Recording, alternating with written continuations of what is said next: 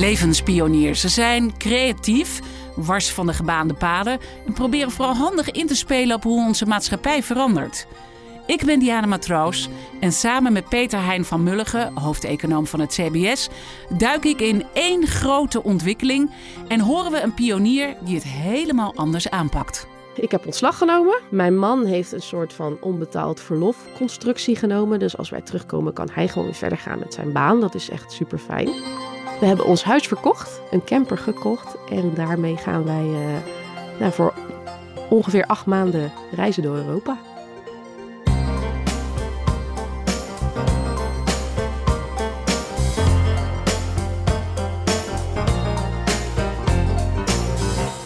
In deze aflevering van Levenspioniers kijken we naar hoe we handiger kunnen omgaan met de verdeling tussen werk en privé. Want die is misschien een beetje uit balans. In onze prestatiemaatschappij wordt er immers steeds meer van je verwacht. Je moet carrière maken, je moet een leuke relatie hebben, een mooi koophuis, goed opgevoede kinderen afleveren en dan natuurlijk ook nog een heel fijne relatie met je ouders onderhouden. Straks hoor je hoe de levenspionier dat allemaal aanpakt. Maar eerst kijk ik samen met Peter Hein van Mulligen, hoofdeconoom van het CBS, hoe we dat in Nederland gemiddeld doen. Peter Hein, eerst maar eens even naar jezelf. Doe je dat een beetje slim, de balans werk-privé? Ja, ik denk dat ik net als de meeste uh, Nederlanders uh, uh, gewoon ook maar een beetje aanrommel. Ja, ik werk fulltime, mijn vrouw ook. Nou, zijn onze kinderen die zijn inmiddels ver in de tienerleeftijd. Mijn oudste dochter studeert al. En dat gaat over het algemeen prima. Maar uh, ja, soms denk ik ook wel eens van... Uh, god, af en toe eens even een keer een extra vrijdag ertussendoor. Zou best fijn zijn. Kan me alles bij voorstellen. Um, als we naar de trends kijken, allereerst hoeveel tijd we aan werk besteden. Wat, wat zie je dan als belangrijke trend? Nou, die is echt duidelijk opgenomen uh, de afgelopen jaren. Het is ook niet zo verbazend. We zitten al lange tijd in een extreem krappe arbeidsmarkt. Ja, dat zie je ook echt terug bij het aantal uren dat mensen werken sowieso het aantal mensen in Nederland dat betaald werk heeft. Dat is nog nooit zo hoog geweest. Uh, is misschien ook wel het hoogste ter wereld. Geldt voor zowel uh, Nederlandse mannen als Nederlandse vrouwen. En dat is de laatste jaren sterk toegenomen. Er is meer mensen met werk, maar de mensen die werken zijn ook meer uren gaan werken. Dat heeft ook wel weer nadelige consequenties. Uh, want bijvoorbeeld in onze monitor brede welvaart stellen we ook vragen of mensen wel vrij, vrijwilligerswerk doen. Of ze een beetje tevreden zijn met hun uh, hoeveelheid vrije tijd. Ja, en daarbij zie je dat het omlaag is gegaan. Dat inderdaad een minder tijd is voor vrijwilligerswerk. En dat mensen toch ook, ja, net als ik zo net zei, denken van, nou ja, wat wordt een beetje veel. Zou wel fijn zijn, ja. Ja, en uh, dan zeg je, we zijn uh, meer gaan werken. Uh, terwijl we toch ook uh, bekend stonden als kampioen deeltijdwerken. Zie je dat deeltijdwerken echt afnemen dan? Nee, dat niet. Hè. Dus, uh, dus je ziet ook wel dat die groei in het aantal mensen met werk, dat zijn ook heel veel deeltijders. het is niet zo dat de deeltijders een minderheid dreigen te worden. Het verschilt ook een beetje per groep. Hè. Zeker als je kijkt bij hoogbegeleiders, mensen met HBO+. Die zijn echt uh, vooral meer in, uh, in, in, in voltijd gaan werken. En die groep wordt ook groter. Hè. Dus uh, de groep laagopgeleiders, mensen met maximaal uh, VMBO, lagere school. Ja, die wordt, uh, die wordt ook steeds kleiner. Uh, dus ook dat betekent wel dat die groep werkende mensen aan het groeien is. Maar ja, met z'n allen hebben we het afgelopen jaar toch beduidend dukken gekregen met werk. En als je dan ziet uh, dat we eigenlijk nou ja, enorme schaarste hebben hè, op die arbeidsmarkt, verwacht je dan toch dat dat deeltijdwerken steeds meer onder druk uh, komt te staan? Want je ziet dat ook steeds meer in de politieke discussies ook naar voren komen. Nou ja, die, die vraag wordt wel gesteld. Nou is nog steeds, uh, geldt dat ongeveer de helft van de Nederlanders die werkt dat in deeltijd doet. Wil dat ook het liefst. Hè. Die heeft ook een gezin om meer uren te werken. De vraag is ook naar de vraag of het überhaupt kan. En er zijn hele sectoren, bijvoorbeeld zorg en onderwijs, waar het echt niet zomaar even een knip met de vinger is. En je hebt een fulltime baan als je daar deeltijd werkte. Dus dat kan ook niet altijd. Um, tegelijkertijd is er wel behoefte om meer werk te doen. Want ja, als je. Nederlanders werken heel vaak. Maar als je het omslaat naar aantal uren per inwoner, ja, dan scoort Nederland helemaal niet zo hoog. Dus dan kun je zeggen van, nou ja, er zit wel meer rek in. We zouden meer uren kunnen werken. Dat is natuurlijk misschien ook wel een beetje zo. Maar ja, uiteindelijk is dat niet de manier als samenleving om te groeien. Uh, echte economische groei komt in meer productiviteit per gewerkt uur. En niet simpelweg dom, uh, domweg maar meer uren gaan werken met z'n allen. Oh, dus goed dat je die eventjes uh, aanbrengt. Want dat is goed om in alle discussies dan ook uh, die realiteit uh, mee te nemen. Hè. Die vergeten we soms nog wel eens. Voor we verder gaan, deze onafhankelijke redactionele podcast is mede mogelijk gemaakt door Egon. Het leven kan alle kanten op. Door eigen keuzes of onverwachte gebeurtenissen. Juist daarom is het belangrijk om vooruit te denken, zodat je bent voorbereid op veranderingen. Want je mogelijkheden voor straks beginnen met slimme keuzes nu. Egon helpt je daar graag bij. Als partner om jouw hypotheek, verzekering of pensioen goed te regelen. Check voor meer informatie egon.nl. Oké, we zijn dus uh, wel meer uh, gaan werken, meer, meer uren uh, gaan werken. Zie je dat we anders met carrière maken om zijn gegaan in de afgelopen tijd? Nou, dat is in de statistiek een beetje lastig te zien. Hè. We hebben ook niet echt statistieken die dat meten. Hoe, hoe belangrijk mensen een carrière vinden, hoe ze daarna streven. Um, maar goed, een, een, een, belangrijke ontwikkeling de afgelopen jaren is natuurlijk wel dat het opleidingsniveau van de bevolking hard gestegen is. Zowel bij mannen als bij vrouwen. Alleen is het bij vrouwen wel wat harder gegaan, omdat hun achterstand ook uh, groter was. Dus ja, dat betekent dat er ook uh, meer mensen zijn die gewoon uh, ja, banen kunnen hebben waar je toch een hoog opleidingsniveau voor nodig hebt. Waar je veel expertise nodig hebt op een bepaald terrein. Dus dat maakt het makkelijker om carrière te maken. Aan de andere kant, uh, en dat is een beetje anekdotisch bewijs, lijkt het er ook wel op dat er ook een grotere groep mensen is die zegt dat dat niet per se hoeft, of in ieder geval niet volgens de oude voorwaarden. En uh, ja, bij de oude voorwaarden, die waren toch wel een beetje uh, ja, gestoeld op het, uh, het kostwinnersmodel. De man die kon gewoon ongebreideld carrière maken. Ja, en als hij daar 60, 80 uur voor in de week moest werken, dat was niet zo erg. Want ja, hij had een vrouw die gewoon voor het huishouden de kinderen zorgde. Ja, tegenwoordig is die vrouw ook iemand met een goede opleiding. Die heeft ook een goede baan. En die zegt van ja, uh, uh, doe eens lekker. Dat, dat regel je maar zelf. 45 uur vind ik nog prima. Heb maar je die discussie thuis ook een beetje? Die discussie hebben we thuis niet. Ja, we hebben ook echt zelf geven beide de behoefte om een baan van 60 uur de week te werken. Maar het is wel iets dat je in je omgeving hoort. Hè. Dat is bedrijven waar het aloude partnermodel werd gewerkt. Hè. Dus de de high potentials die groeiden door naar een, uh, naar een partnerpositie. Maar ja, er werd wel van ze verwacht dat ze 60 uur werkten. Ja, heel veel van die mensen die daarvoor een aanmerking komen zeggen van ja, uh, sorry, maar uh, mijn vrouw die heeft, werkt ook al 40 uur de week. Het hoeft allemaal niet zoveel. Nee, ik, ik wil best partner worden, maar 45 uur in de week max. Ja, en dan, dan zit het bedrijf van ja, of we hanteren het oude model en we vinden geen nieuwe partners meer. Ja, of we moeten dat uh, hele model toch maar herzien. En daarbij speelt denk ik ook het gezinsleven echt wel degelijk een uh, rol. Want uh, ja, we besteden dus veel meer tijd aan werken. En zijn daar misschien ook een beetje iets anders naar aan het kijken. Uh, wat betekent het voor het gezinsleven? Hoeveel tijd we daar nog aan kunnen besteden? Nou, dat is wel een hele belangrijke. Um, als je kijkt naar wat mensen tijd aan besteden, dan is de afgelopen decennia één onderdeel waar we steeds minder tijd aan zijn gaan besteden. Dat is het huishouden. Nou, dat zullen we allemaal met gejuich ontvangen, lijkt me. Want bijna niemand doet dat voor zijn plezier. Heeft er ook altijd mee te maken dat er steeds meer apparaten zijn die dat voor ons uh, overnemen. Ooit kwam er de stofzuiger en nu heb je gewoon de autonome stofzuiger. Die het gewoon s'nachts doet overdag, overdag of je andere dingen doet. En zo zijn er wel meer voorbeelden. Ja, ik zit er, zit er, inderdaad over na te denken om hem aan te schaffen. Ja, lijkt me heerlijk. Ja, nee, ja ik, ik, ik ken dat. En ja. dan, uh, nou ja, goed, afgelopen twee weken dat je dan toch zelf moet stofzuigen. Dan denk ik ook wel eens, hadden we dat niet moeten doen. Um, maar het is niet zo dat we minder tijd in de opvoeding zijn gaan, uh, gaan steken. En dat is iets wat waarschijnlijk veel mensen wel zullen herkennen. Ja, want het is altijd van uh, al die werkende ouders die dumpen hun kind bij de kinderopvang en ja. besteden er geen aandacht aan. Dat nee, is een beetje het beeld. Dat is het beeld. Hè. Het woord dumpen zegt wat dat betreft. Het woord opvang. Uh, kinderopvang zegt misschien ook wel iets. Hè. Je hebt de asielzoekersopvang, de dakloze opvang, de egelopvang en dus de kinderopvang. Dat zijn allemaal zielige gevallen die toch ergens kwijt moeten. Zo kijken we daar tegenaan. Ja, uh, dat, dat is, is, is natuurlijk niet helemaal het geval. Uh, sterker nog, uh, ik heb wel sta internationale statistieken gezien. En daaruit blijkt dat mensen van nu, en dan wordt vooral gekeken naar de moeders, hè, want die besteden nog steeds de meeste tijd aan de kinderen. ook nu in 2023. Maar dat ze de, de werkende moeders, hoeveel die tijd, of moeders in het algemeen, hoeveel tijd ze aan de kinderen besteden de afgelopen decennia, alleen maar is toegenomen. Vroeger uh, hadden de moeders meer tijd, maar die waren ze vooral kwijt aan het huishouden. En ja, die kinderen die moesten zich maar Kunnen redden. ze nu aan het gezin besteden, quality time eigenlijk. Ja, en uh, nou goed, als ik een beetje, het is natuurlijk weer anekdotisch, moet ik als statisticus niet doen. Maar het is een mooie anekdote die zo'n trend onderschrijft. Hè. Als je kijkt bijvoorbeeld naar een, een sportveld. Op een zaterdag kindertjes gaan voetballen en hockey. Het staat langs de lijn vol met ouders. Die soms met een zekere mate van het enthousiasme bemoeien van het, met het spel of met het fluiten van de scheidsrechter. Ook wel eens irritant, hè? Ja, ze zijn betrokken. Terwijl in de tijd, jaren tachtig, heb ik nu dat ik zelf voetbalde.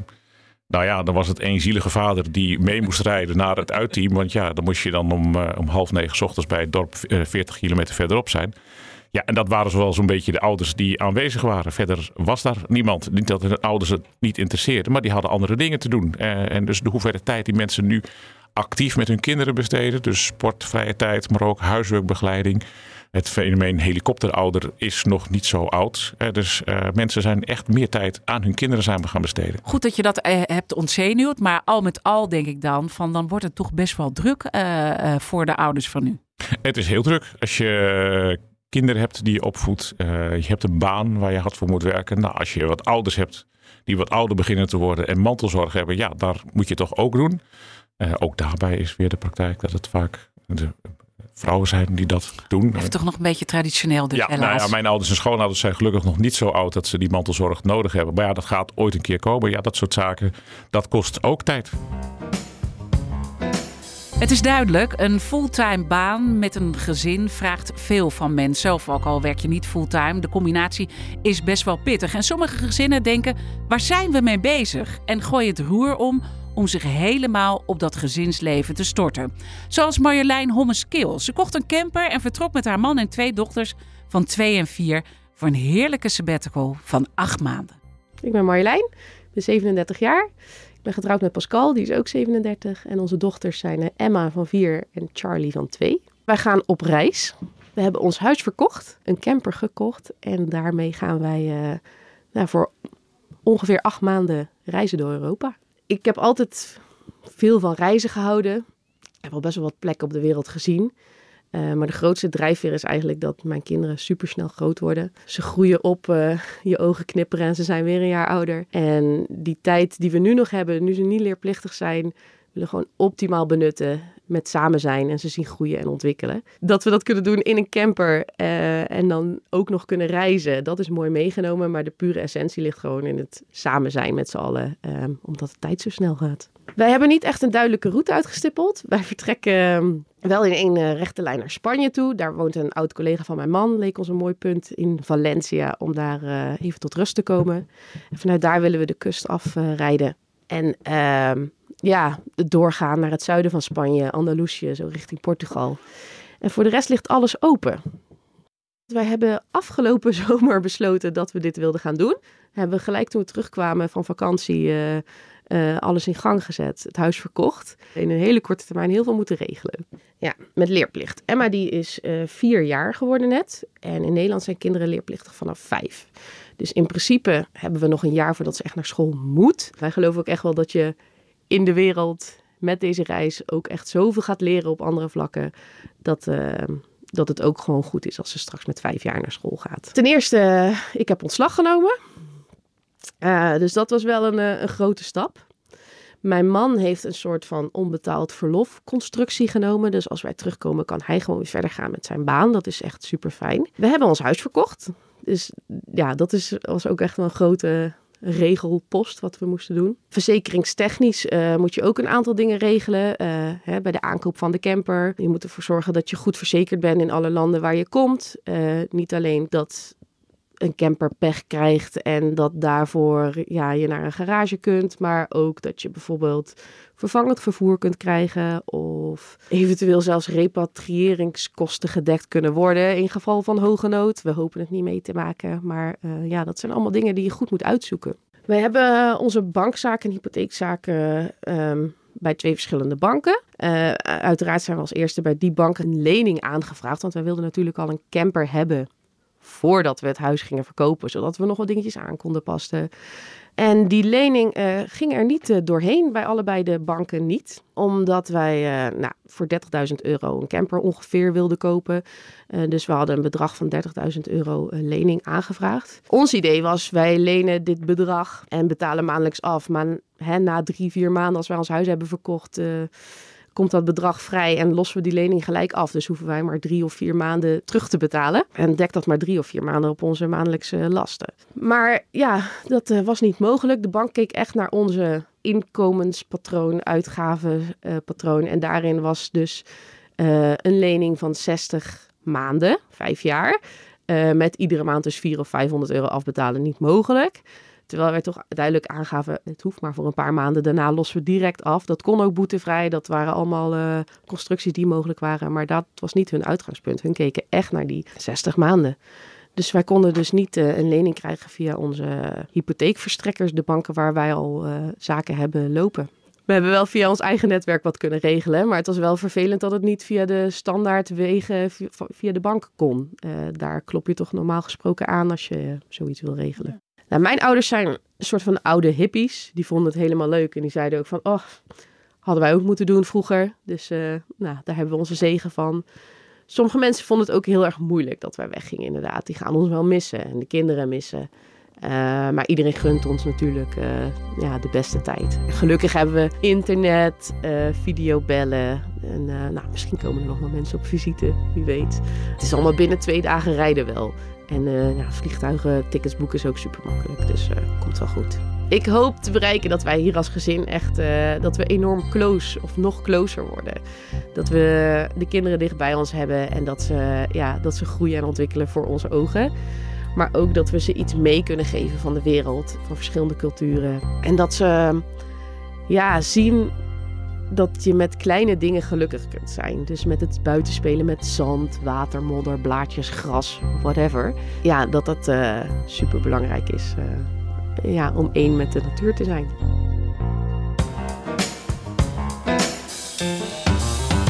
Ja, als ik dat allemaal zo hoor, dan denk ik, nou had ik eigenlijk ook best wel lekker gevonden om met mijn gezin uh, te doen. Alleen die zijn aan het studeren, dus ik heb die kans gemist. Denk jij wel eens over na van dit zou ik ook wel heerlijk vinden? Nou, ik moet eigenlijk een beetje bijkomen van het fragment.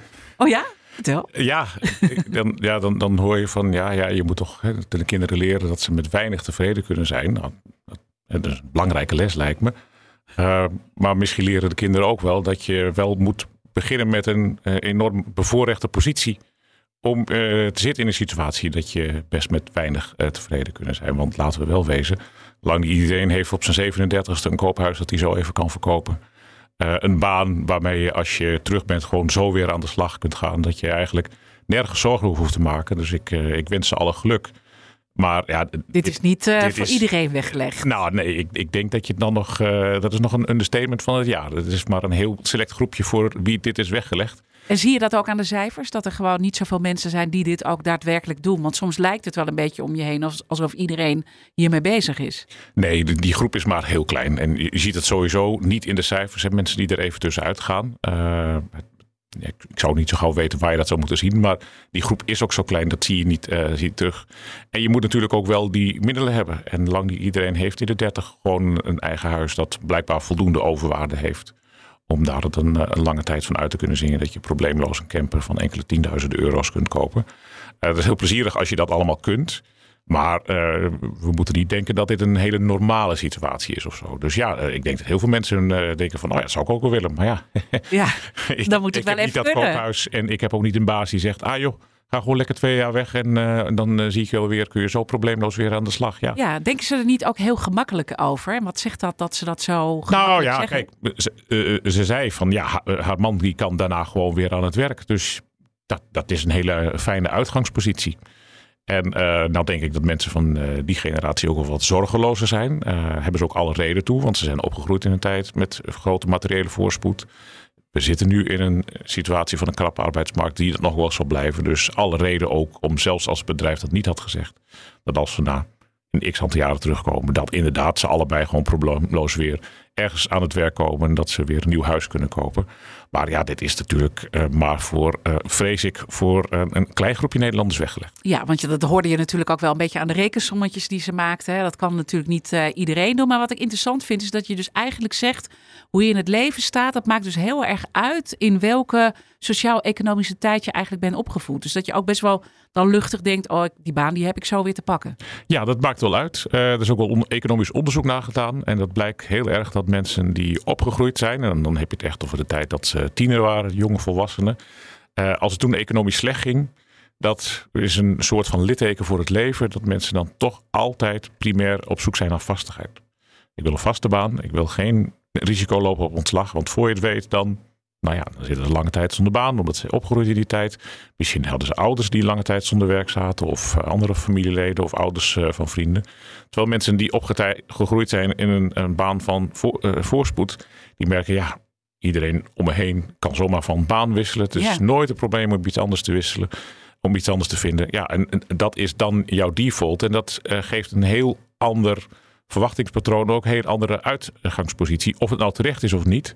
Het vertrouwen is er wel. En dat, uh, nou ja, vertrouwen is heel erg belangrijk hè? voor de economie en de beslissingen die we voor nemen. Voor jezelf ook. Ja, dat, dat, dat, dat, dat, uh, dat, zorgt voor een, een, andere mate van, van welbevinden. Ja, zeker. En als je dan toch even nog een vlucht naar de toekomst probeert te nemen. Hoewel jullie natuurlijk niet zijn van de voorspellingen bij het CBS. Maar als je ziet dat we nu in een moeilijke tijd leven. Weliswaar is de arbeidsmarkt, nou ja, je kan nu overal wel een baan vinden. Hè? Dus dat is het probleem niet. Maar in de breedte we leven in een moeilijke tijd. Uh, verwacht je dan dat we meer nomade gezinnen gaan krijgen in de toekomst? Of gaat het alleen maar minder worden? Gaan mensen toch voor meer vastigheid? Uh, dat zou zomaar kunnen, want uh, die, die, de groep is natuurlijk klein. Ik bedoel, niet, niet zo dat er miljoenen Nederlanders zijn die dit zomaar even kunnen doen. Um, maar uh, Nederland is een godsgruwelijk rijk land. dat vergeten we wel eens met z'n allen, uh, met die hoge energieprijzen. Maar het, het, is gewoon echt waar. En er zijn natuurlijk mensen die het moeilijker hebben. Maar uh, over de hele linie zijn er weinig landen ter wereld waar het welvaartsniveau zo hoog is. we hebben enorm veel vermogen opgebouwd met z'n allen. In overwaarde op huizen, in de pensioenen. de realiteit is ook dat heel veel van die vermogens de komende decennia vrij gaan komen. Dus babyboomers die overlijden, dan ineens een, een, hele hoop geld nalaten aan hun kinderen. Dat is niet helemaal gelijk verdeeld, want we zien nu in onze statistieken dat de mensen die de grootste erfenissen krijgen, vaak zelf ook al mensen zijn die uh, een goed inkomen hebben, goed vermogen. Dus dat is wel een beetje de duivel die op de spreekwoordelijke grote hoop scheidt.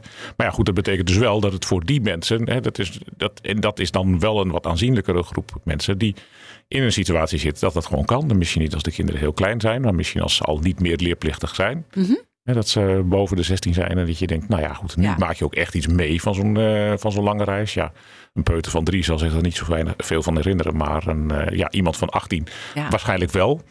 Uh, maar om al te zeggen van ah, dit gaat een trend worden, dat soort dingen laat ik aan uh, trendwatchers en dat soort beunhazen. Maar over. we zullen toch een beetje blijven struggelen met de tijd. De, de, de, de balans werk-privé, dat blijft nog wel een uitdaging. Dat, dat blijft een uitdaging, maar ja goed, hè, er is een groep geprivilegeerde Nederlanders die zich daar uh, weinig van hoeft aan te trekken. En net hoorden we daar een paar van. Dit was Levenspioniers. In de volgende aflevering kijk ik samen met Peter Heijn naar wat mensen allemaal na hun pensioen doen. Wat moet je thuis? Je, bent wel een keertje, je hebt wel een keertje schoongemaakt. Het is allemaal wel een keertje klaar. Geraniums hou ik niet van, dus daar ga ik ook niet achter zitten. Dus dan is de keuze niet zo moeilijk om gewoon lekker door te gaan. Waarom zou ik dit niet blijven doen totdat ik uh, met mijn voeten vooruit naar buiten word gedragen? En dan gewoon de laptop mee, hè? Deze podcast werd mede mogelijk gemaakt door Egon. De sponsor heeft geen invloed gehad op de inhoud van deze podcast. Met dank aan onze expert Peter Hein van Mulligen en Marjolein Hommeskil.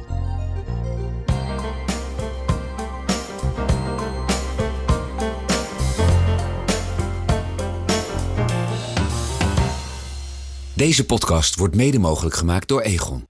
Denk vooruit. Denk Egon.